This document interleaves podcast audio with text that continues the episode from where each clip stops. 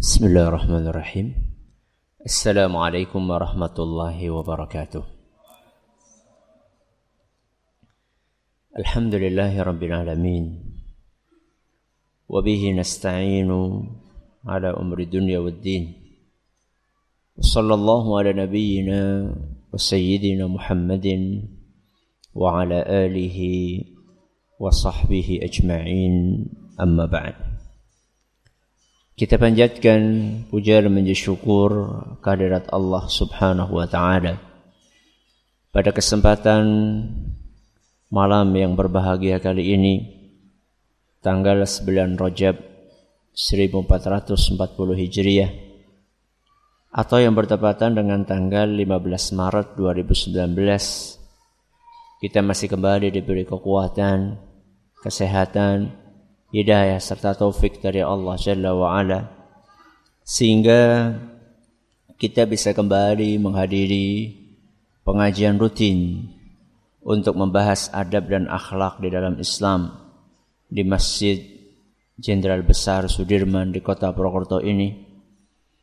Kita berharap semoga Allah Subhanahu wa taala berkenan untuk melimpahkan kepada kita semuanya ilmu yang bermanfaat sehingga bisa kita amalkan sebagai bekal untuk menghadap kepada Allah Jalla wa ala. Amin. Salam dan salam semoga senantiasa tercurahkan kepada junjungan kita Nabi besar Muhammad sallallahu alaihi wasallam kepada keluarganya, sahabatnya dan umatnya yang setia mengikuti tuntunannya hingga di akhir nanti. Para hadirin dan hadirat sekalian yang kami hormati dan juga segenap pendengar Radio Insani 88.8 FM di Purwokerto, Purbalingga, Banyumas, Cilacap, Wonosobo, Kebumen dan sekitarnya serta para pemirsa Yufi TV, Surau TV dan Niaga TV yang mudah-mudahan senantiasa dirahmati oleh Allah Azza wa Jal. Alhamdulillah pada kesempatan yang lalu kita telah mengawali pembahasan tentang hadis nomor 31. Saat itu kita baru membahas biografi perawi dari sahabat Rasul SAW yang membawakan hadis ini. Beliau adalah An-Nu'man bin Thabit radhiyallahu anhuma. Semoga Allah meridhoi keduanya. Kenapa keduanya? Karena An-Nu'man dan ayahnya siapa ayahnya? Sabit kedua-dua eh An-Nu'man bin Bashir maaf. An-Nu'man bin Bashir maaf. Karena An-Nu'man dan ayahnya siapa? Bashir kedua-duanya adalah sahabat Rasul sallallahu alaihi wasallam. Maka mulai malam hari ini kita akan mengupas kandungan yang ada dalam hadis ini. Dan ini karena redaksinya panjang, maka kita akan bagi dalam beberapa pertemuan. Kita lihat saja nanti berapa selesainya. Yang penting kita kaji sedikit demi sedikit. Kita akan bacakan redaksinya dari awal sampai akhir. Anin Nu'man ibn Bashir radhiyallahu anhu maqala. Dari sahabat Rasul SAW namanya siapa? An-Nu'man bin Bashir. Semoga Allah meridhoi keduanya.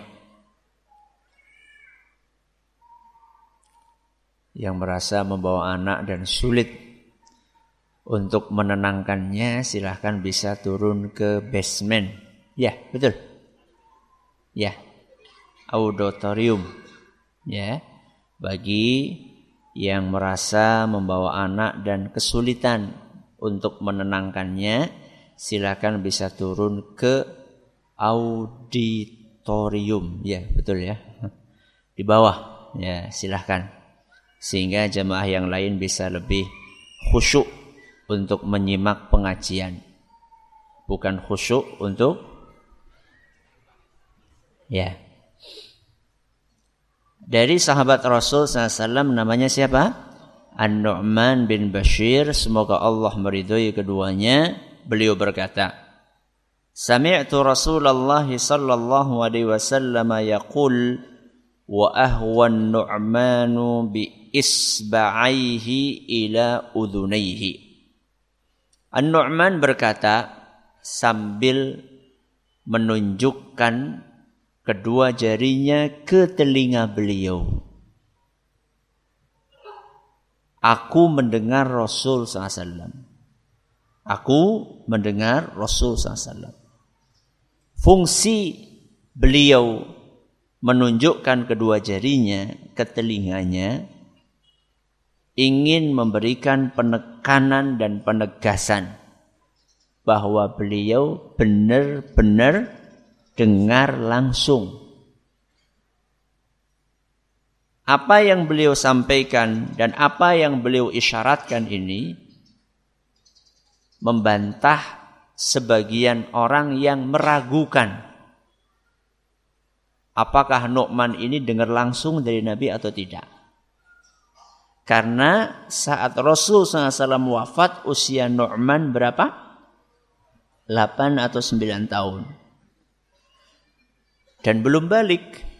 Baru tamyiz baru tamyiz, mumayyiz. Baru bisa membedakan mana yang baik, mana yang tidak baik. Belum sampai balik. Ya.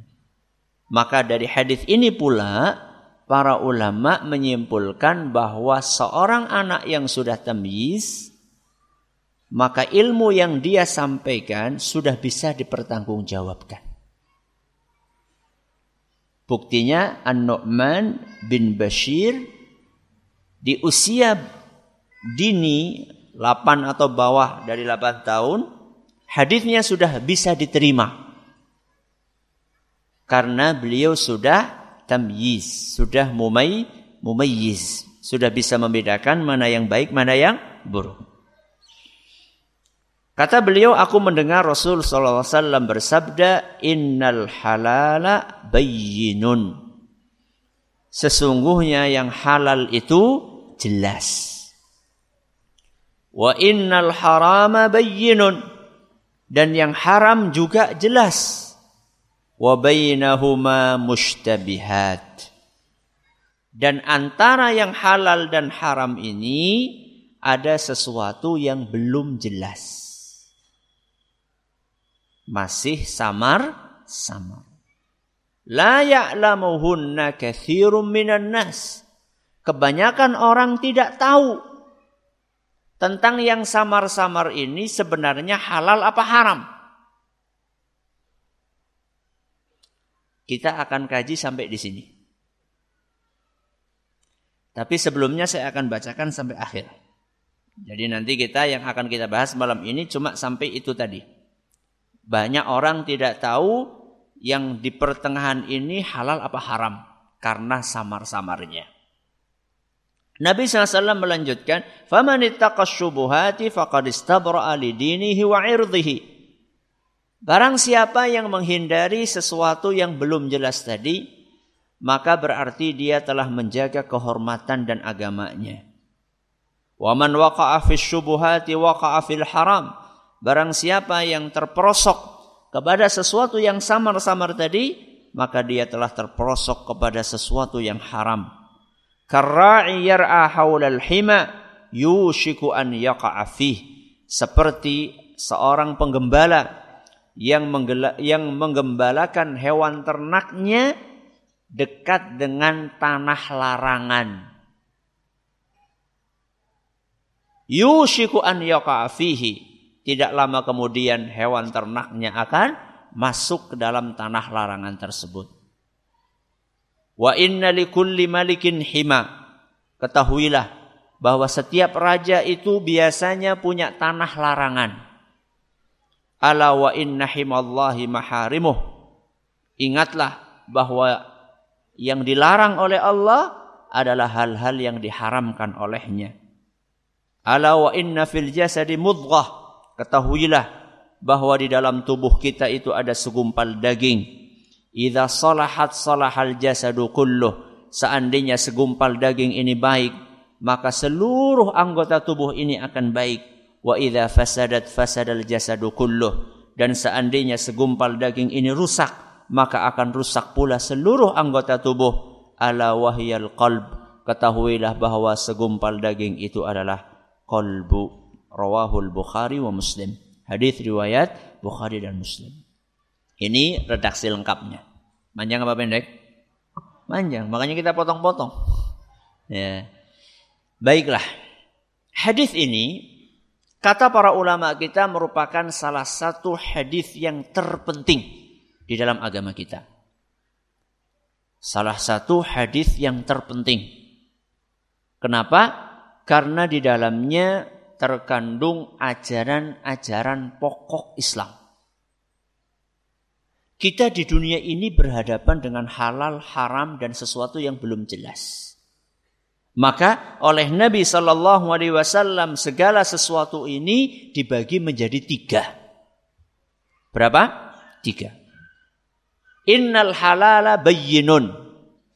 Yang pertama adalah sesuatu yang halal. Wa innal harama bayyinun. Yang kedua adalah sesuatu yang haram wa bainahuma mustabihat. Dan yang ketiga adalah sesuatu yang belum jelas apakah ini halal atau haram. Dibagi menjadi berapa? Tiga. Yang pertama halal, yang kedua haram, yang ketiga belum jelas antara halal dan haram. Dan yang halal itu jelas. Serta yang haram juga jelas. Yang belum jelas itu antara keduanya. Dan ini memberikan pelajaran kepada kita bahwa ajaran Islam itu rata-rata jelas. Yang halal jelas, yang haram juga jelas. Dan gak ada ceritanya ajaran Islam itu direvisi setelah wafatnya Rasul SAW atau di amandemen. Tidak ada. Ayat Quran kok di amandemen.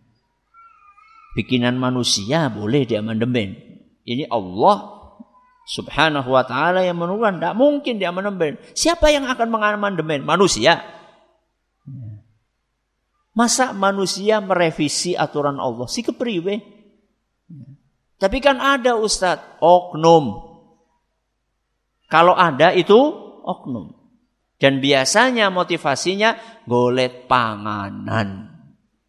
Itu biasanya seperti itu. Sedang mencari makan. Ya. Dan itu sudah dijelaskan oleh Nabi kita Muhammad sallallahu alaihi wasallam sejak 14 abad yang lalu di antara tanda-tanda akhir zaman.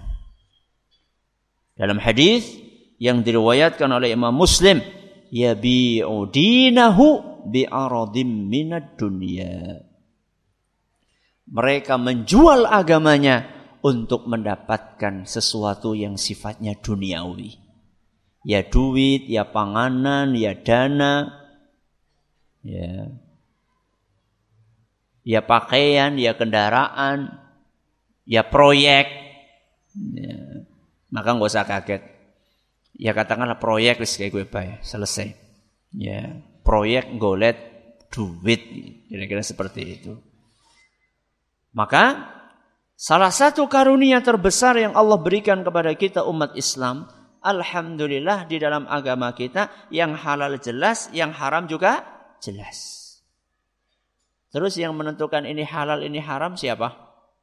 Allah. Kok Allah? Kenapa?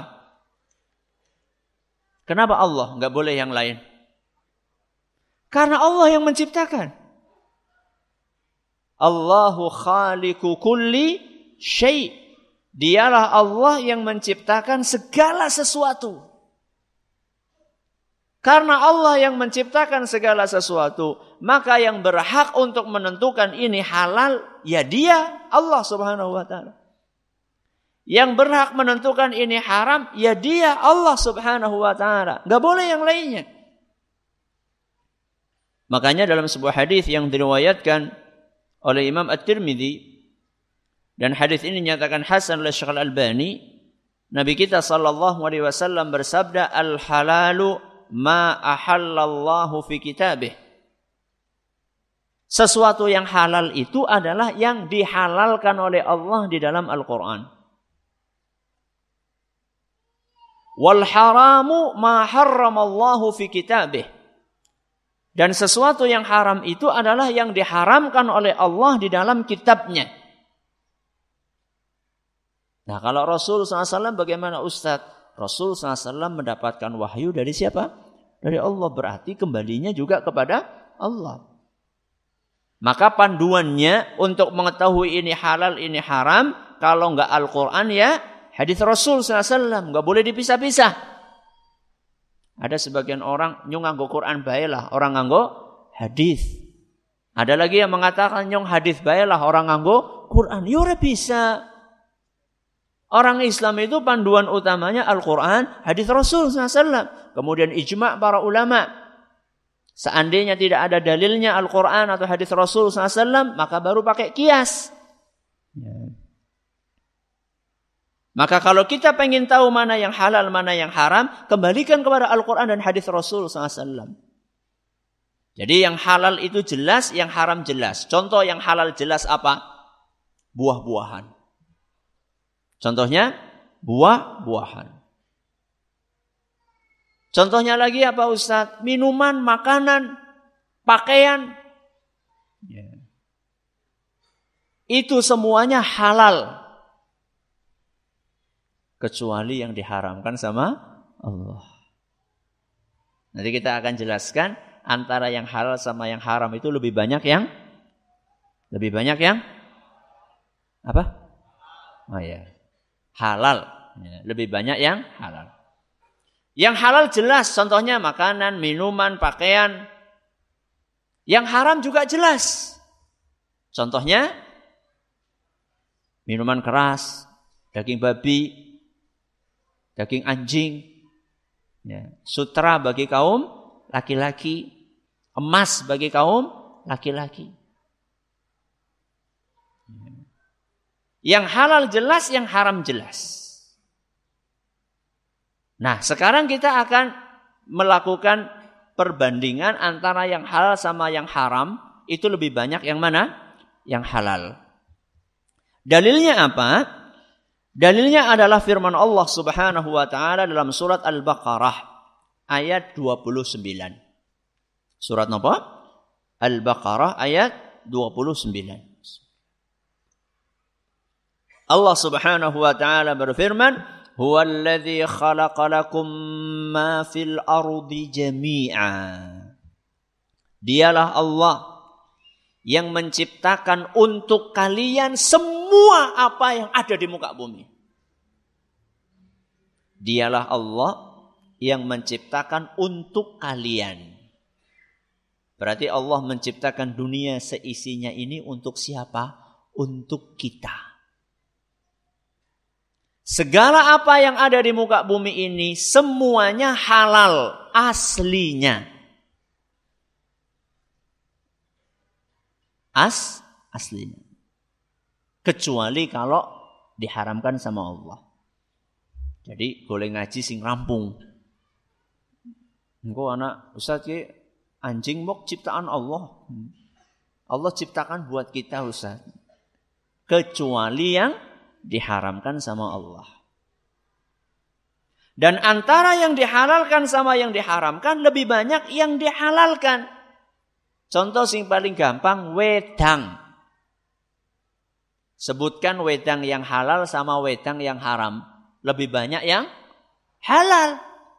Sing halal contohnya wedang teh, wedang kopi, wedang jahe, wedang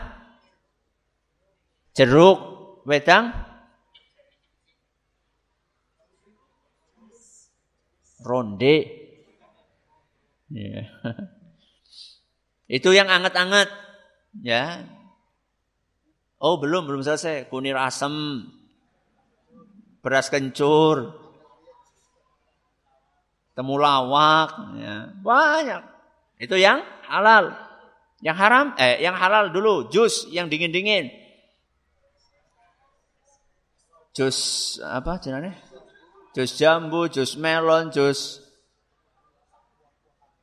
wis kabehan lah. Ya. Apa yang merah itu? Nah, jus buah naga. Ya. Dari pengajian malah ini kita lagi menjelaskan mana yang halal, mana yang haram. Coba sebaliknya sekarang yang haram apa? Paling khamer. Khamer. Ya. Dengan segala jenisnya. Ya. Baik yang peci miring. Ya. Maupun yang wetang ciu atau apa saja. Pokoknya semuanya. Yang namanya khamer haram. Berarti kan khamer. Selesai. Coba bandingkan antara yang deretan panjang tadi. Kenapa kok mesti yang dicari itu yang haram? Oh yang halal lebih banyak kok. Sate coba. Antara sate yang halal dengan sate yang haram kan lebih banyak yang halal. Ya. Sate kambing, sate ayam, sate kelinci, sate sapi, sate kuda, sate kerang. Ya. Sate usus. Ya, sate telur. Ya. Banyak banget Masya Allah. Kenapa mesti nyari sate anjing? Ya. Hati-hati ya kalau jenengan lihat di pinggir jalan sate jamu. Ya, sate jamu. Itu sate anjing. Ya. Jadi jangan sampai nanti jenengan wah nyong lagi pengen ben kuat ya, boleh sate jamu. Ya, itu anjing. Jadi antara yang halal sama yang haram lebih banyak yang halal. Dan ini adalah salah satu karunia Allah Subhanahu wa taala kepada manusia. Tahunya kita Ustadz ini halal, ini haram. Yang haram itu sudah dijelaskan secara rinci sama Allah Subhanahu wa taala. Di dalam Al-Quran, surat Al-An'am ayat 119. Surat apa? Al-An'am 119. Wa qad fassala lakum ma harrama alaikum. Allah telah merinci untuk kalian apa yang dia haramkan untuk kalian. Sudah dijelaskan secara detil oleh Allah Subhanahu wa taala. Sehingga tidak ada yang kelewat. Tidak ada sesuatu yang terlewat dari hukum Allah Subhanahu wa taala.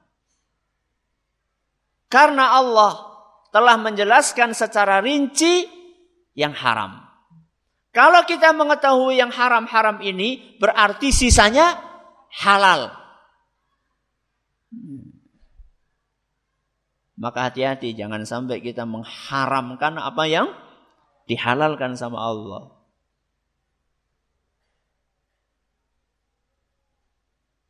Silahkan jenengan nggak suka daging, tapi nggak boleh mengharamkan daging. Ya. Jenengan pengen jadi vegan, ya. yang selalu makan sayur, sayur-sayur silahkan. Tapi nggak boleh anda haramkan daging ini. Lain masalah ketika kita berbicara mana yang dominan, yang lebih menyehatkan. Lain masalah. Silahkan dominan sayur-sayuran tidak masalah. Ya. Kalau pengen dominan daging ya monggo, tapi ya ditanggung sendiri. Efeknya segala sesuatu yang berlebihan pasti tidak baik. Ya. Sayur pun kalau berlebihan juga tidak baik sama saja. Ya. Apalagi yang sudah punya riwayat penyakit. Wis tahu asam, wis ngerti asam urat, jangan nek, jangan nek, kangkung boy.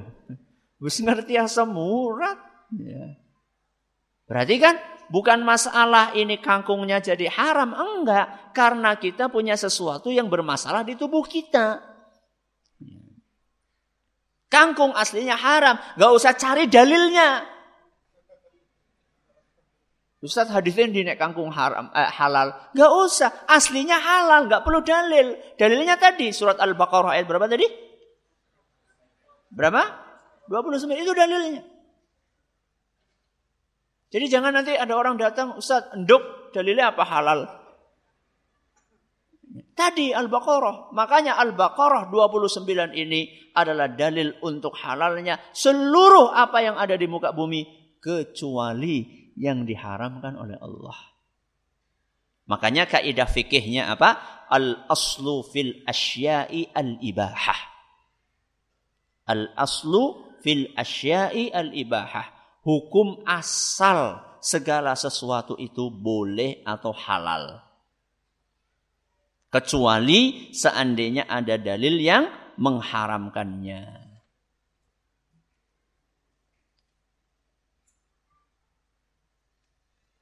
Kalau ini beracun Ustaz. Ya, ini beracun misalnya. Ada tanaman terbukti setelah diteliti ber, beracun. Oh berarti kalau kayak gitu masuk ke dalam hadis Rasul Sallallahu Alaihi Wasallam la darara wa dirar. Tidak boleh membahayakan diri sendiri dan tidak boleh membahayakan orang lain. Hadis riwayat Al Hakim dan beliau menyatakan isnadnya sahih. Tidak boleh membahayakan sudah. Ini racun berarti membahayakan. Ya. Maka ada orang minum baygon ya nggak boleh. Ya. Kenapa? Karena memba membahayakan. Dalilnya apa haram? Ya ini hadis tadi. Segala sesuatu yang membahayakan dan bahayanya dominan. Bahayanya apa? Dominan. Maka haram. Jadi ada kata-kata bahayanya do dominan.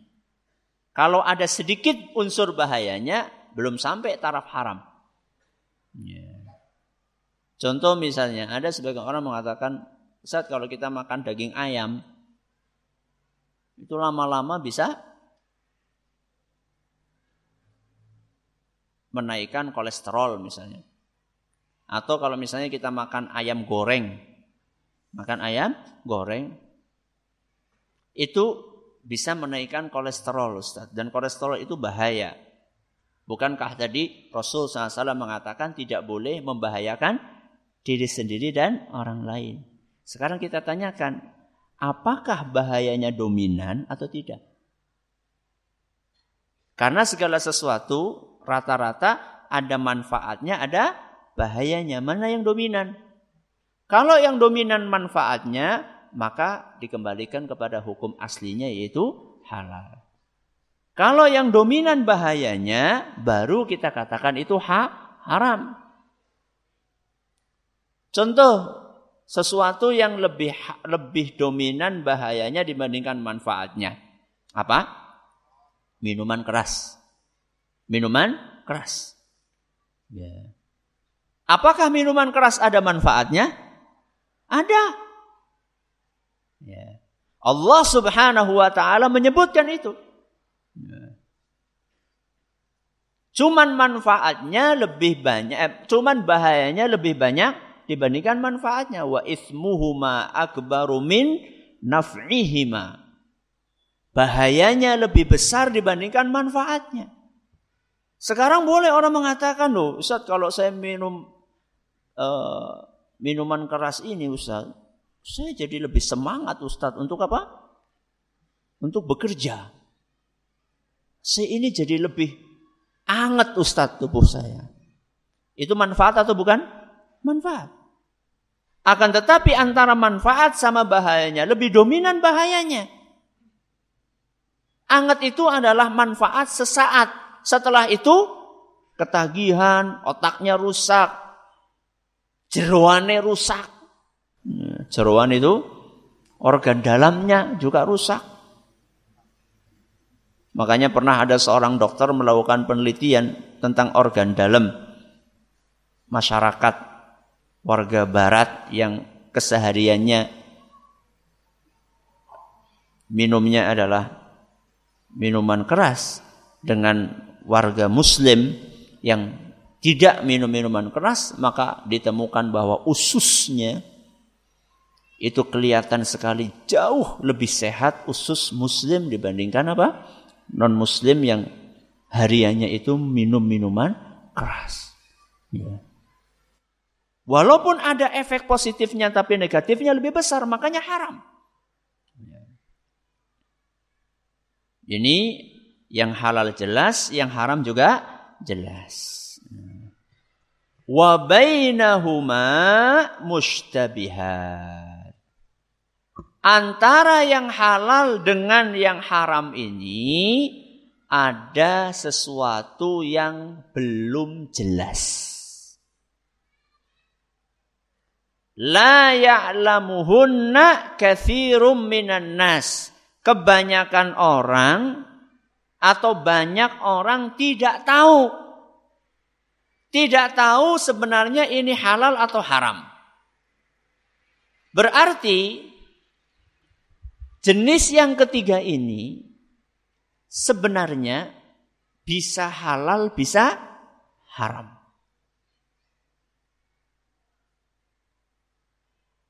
Samar-samarnya ini buat sebagian orang yang terbatas ilmunya. Bagi mereka yang terbatas ilmunya, mereka tidak tahu ini halal atau haram. Berarti ada nggak yang tahu bahwa ini halal atau haram? Ada atau tidak? Ada.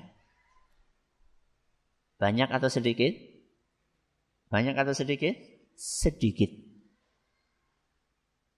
Karena Nabi SAW mengatakan la ya'lamuhunna kathirum minan nas. Banyak orang tidak tahu. Berarti yang tahu Cuma sedikit. Siapakah mereka?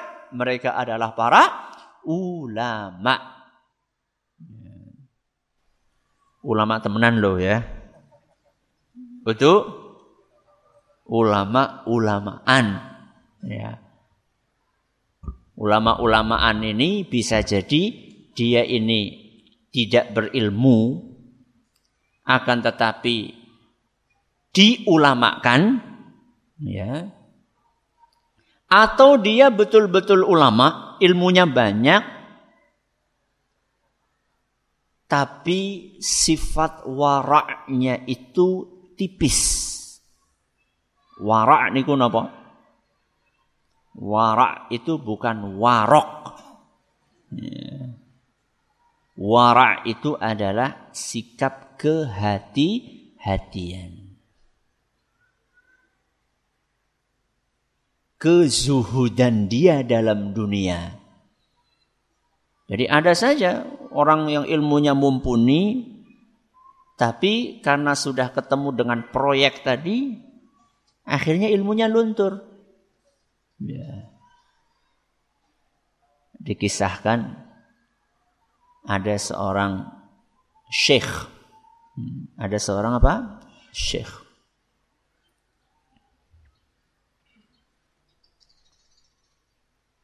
di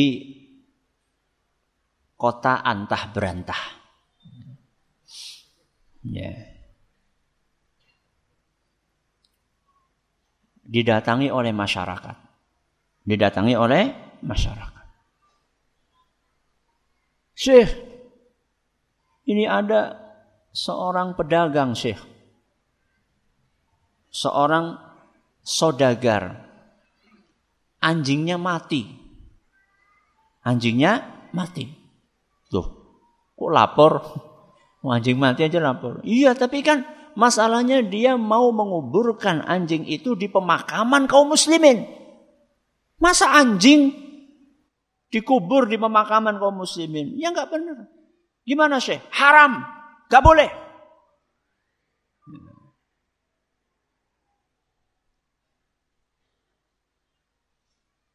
Tapi dia ngotot. Panggil suruh ke sini. Si saudagar tersebut akhirnya datang. Syekh, ini orangnya. Ya. Kamu kenapa? Kok pengen nguburkan anjingmu itu di pemakaman kaum muslimin? Ya, sebelum meninggal anjing ini berwasiat seperti itu. Sebelum meninggal, sebelum mati, anjing ini berwasiat seperti itu. Berwasiat supaya dikuburkan di pemakaman kaum muslimin. Ngarang. Mana ada anjing berwasiat. Gak boleh, haram. Tapi Syekh, tapi apa? Anjing ini juga berwasiat. Supaya saya ngasih jenengan 100 juta.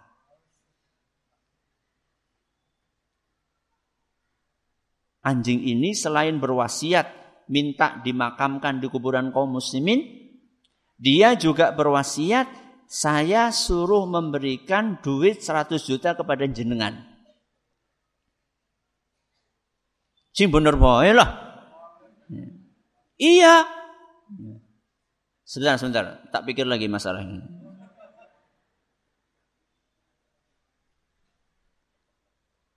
Oh iya, enggak apa-apa. Boleh, boleh, boleh. Boleh. Loh, Masyarakat kan mau haram sih oleh. Kenapa bisa berubah hukumnya, Syekh? Setelah saya pikirkan matang-matang, saya merenung. Ternyata anjing itu adalah keturunannya anjingnya Ashabul Kahfi. Tahu Ashabul Kahfi? Orang yang terjebak di mana? Eh, orang yang mengungsi di gua tidur sekian ratus tahun bersama dengan mereka ada anjing yang menjaga di pintu gua.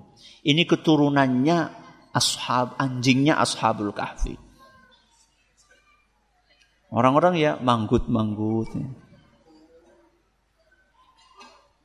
Apakah betul-betul itu anjing keturunan ashabul kahfi? Allah, itu cuma akal-akalan karena apa tadi? Ada 100 juta. Ini menjelaskan kepada kita bahwa memilih ulama itu tidak mudah. Mencari rujukan, mencari panutan itu tidak mudah. Apalagi di zaman banyaknya orang pragmatis di zaman ini. Kita hidup di zaman banyak manusia-manusia pragmatis yang mudah sekali untuk mengubah fatwanya hanya karena kepentingan-kepentingan duniawi, kepentingan-kepentingan politik sesaat. Ya. Dan ini sudah diwanti-wanti oleh Nabi kita Muhammad sallallahu alaihi wasallam.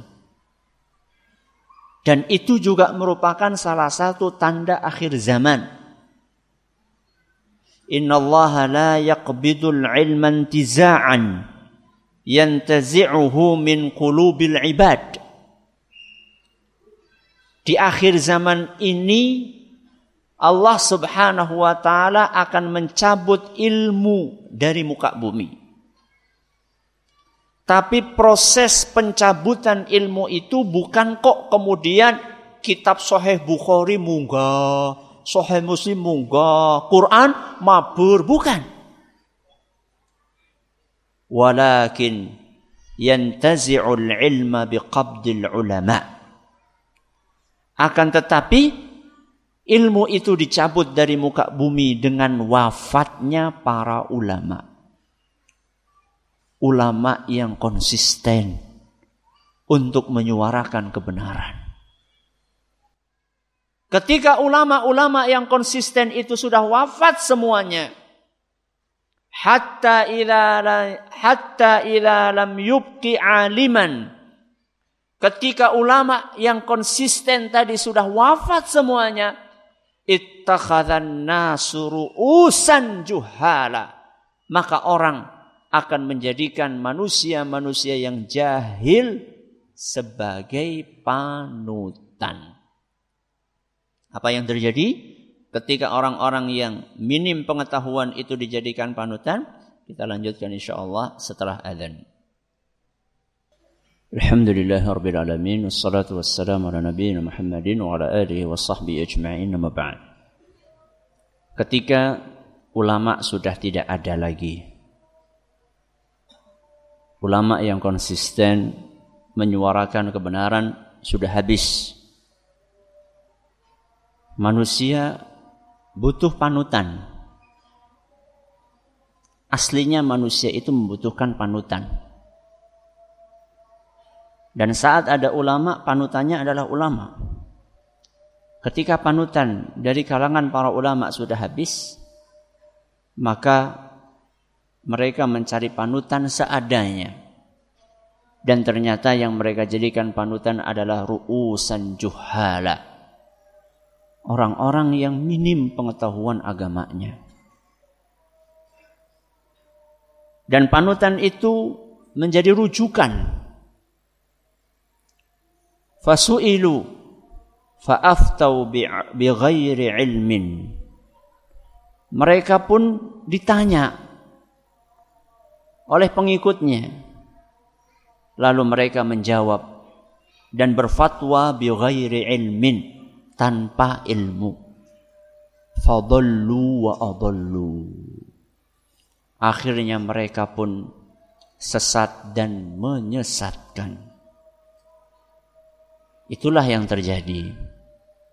Maka waspadalah, berhati-hatilah dan selektiflah dalam belajar, ngaji, berguru. Pilihlah ulama-ulama yang memang memiliki kompetensi, memiliki keahlian betul, dan juga sudah dikenali kewaroannya, kehati-hatiannya, serta kezuhudannya. Wallahu a'lamu bissawab. Sebelum kita baca beberapa pertanyaan, sekedar mengingatkan ini adalah pekan ketiga. Seperti biasanya besok subuh Sabtu pekan ketiga adalah kajian pendek dengan tema fikih Asmaul Husna di Masjid Agung Baitus Salam Purwokerto pada subuh. Kemudian malam Ahad pekan ketiga pengajian Tazkiyatun Nafs di Masjid 17 di Masjid 17 ba'da maghrib sampai Isya.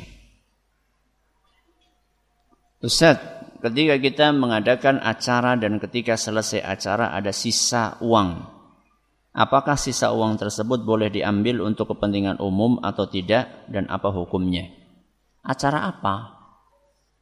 Ya, acara pengajian atau acara apa? Kalau itu acara Anda pribadi, walimah. Anda bikin walimah, ngumpulin modal, sisanya ada anda gunakan untuk kepentingan umum, ya silakan. Untuk kepentingan pribadi pun tidak apa-apa. Itu kan duit Anda sendiri. Acara yang dimaksud apa? Acara pengajian, ngumpulin dana untuk pengajian. Kalau seandainya akad Anda saat mengumpulkan dana itu adalah untuk pengajian, maka sebaiknya seandainya ada sisa pun juga digunakan untuk acara yang sama, yaitu untuk pengajian. Ya. Tidak boleh untuk kepentingan pribadi. Ya. Dan untuk kepentingan umum yang lainnya dihindari kecuali kalau Anda bisa izin sama donaturnya. Dan kalau donaturnya banyak itu susah. Anda tidak tahu siapa yang infak ini. Maka untuk kehati-hatian sebaiknya digunakan untuk acara yang serupa, yaitu acara pengajian kalau memang dari awal penggalangan dananya adalah untuk pengajian. Seperti penggalangan dana untuk bencana alam misalnya. Untuk bencana alam. Ya, gunakan untuk bencana alam di daerah tersebut. ya. Gak usah disimpan-simpan. Ya. Usah disimpan-simpan. Gunakan untuk sesuai dengan peruntukannya. Ketika Anda mengumpulkan ini untuk bencana alam di kota Anu, ya sudah habiskan di sana. Ya. Jangan sampai digunakan untuk kepentingan yang lainnya, apalagi untuk kepentingan pribadi. Ustaz apa hukumnya? Kita makan ikan lele yang kita benar-benar tahu bahwa lele tersebut diberi makanan sesuatu yang haram. Misalnya bangkai atau kotoran. Dan bagaimana kalau kita tidak tahu? Lele itu ada yang dikasih makanan yang halal dan ada yang dikasih makanan haram. Kalau seandainya kita tahu persis bahwa lele itu makanannya cuma yang haram ya cuma bangkai ya atau darah biasanya orang punya pemotongan apa ayam kemudian yang mati-mati itu ditaruh di kolam lele. Hanya itu makanannya. Atau yang dominan itu ya, kadang dikasih fur. Cuman furnya lebih sedikit dibandingkan kotoran manusianya. Kalau kita tahu seperti itu, maka ini masuk dalam kategori yang disebutkan dalam ilmu fikih dengan al-jallalah. Al-jallalah. Al-jallalah itu adalah binatang yang makanannya dari hal yang haram. Apa yang mesti dilakukan?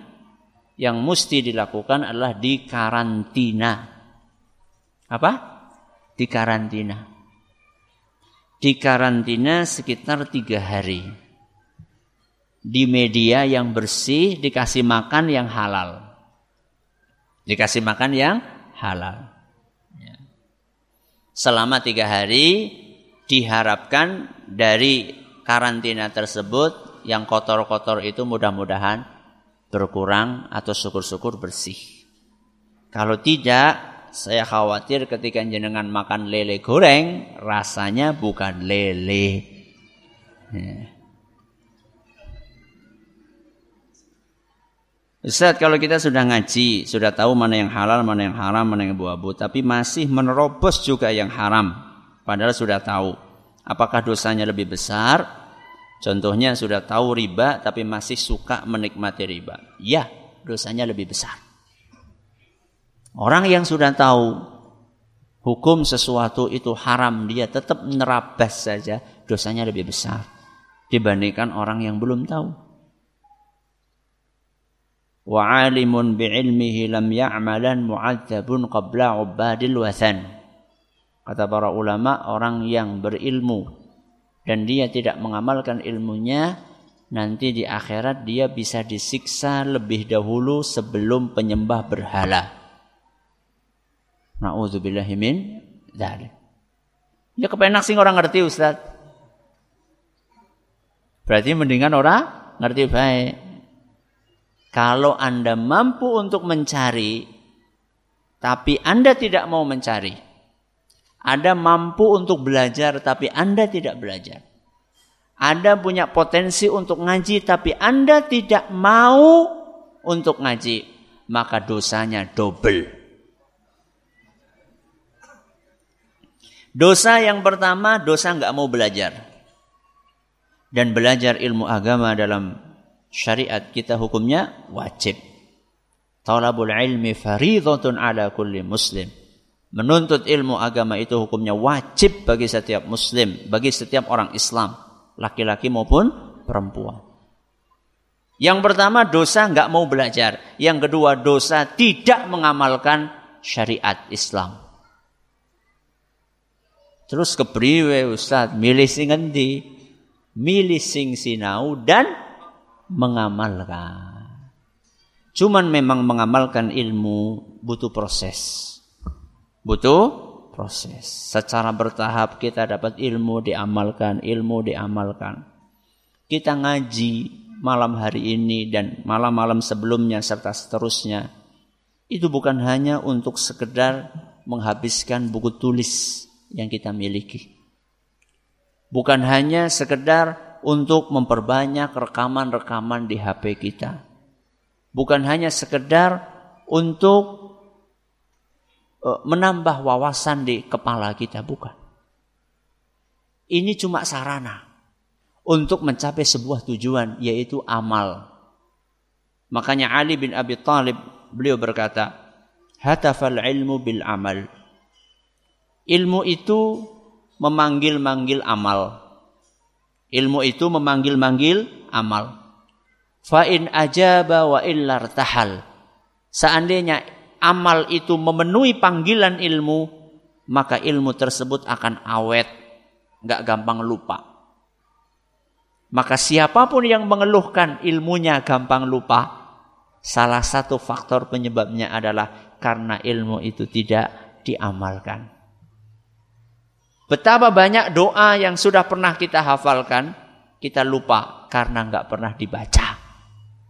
Ya.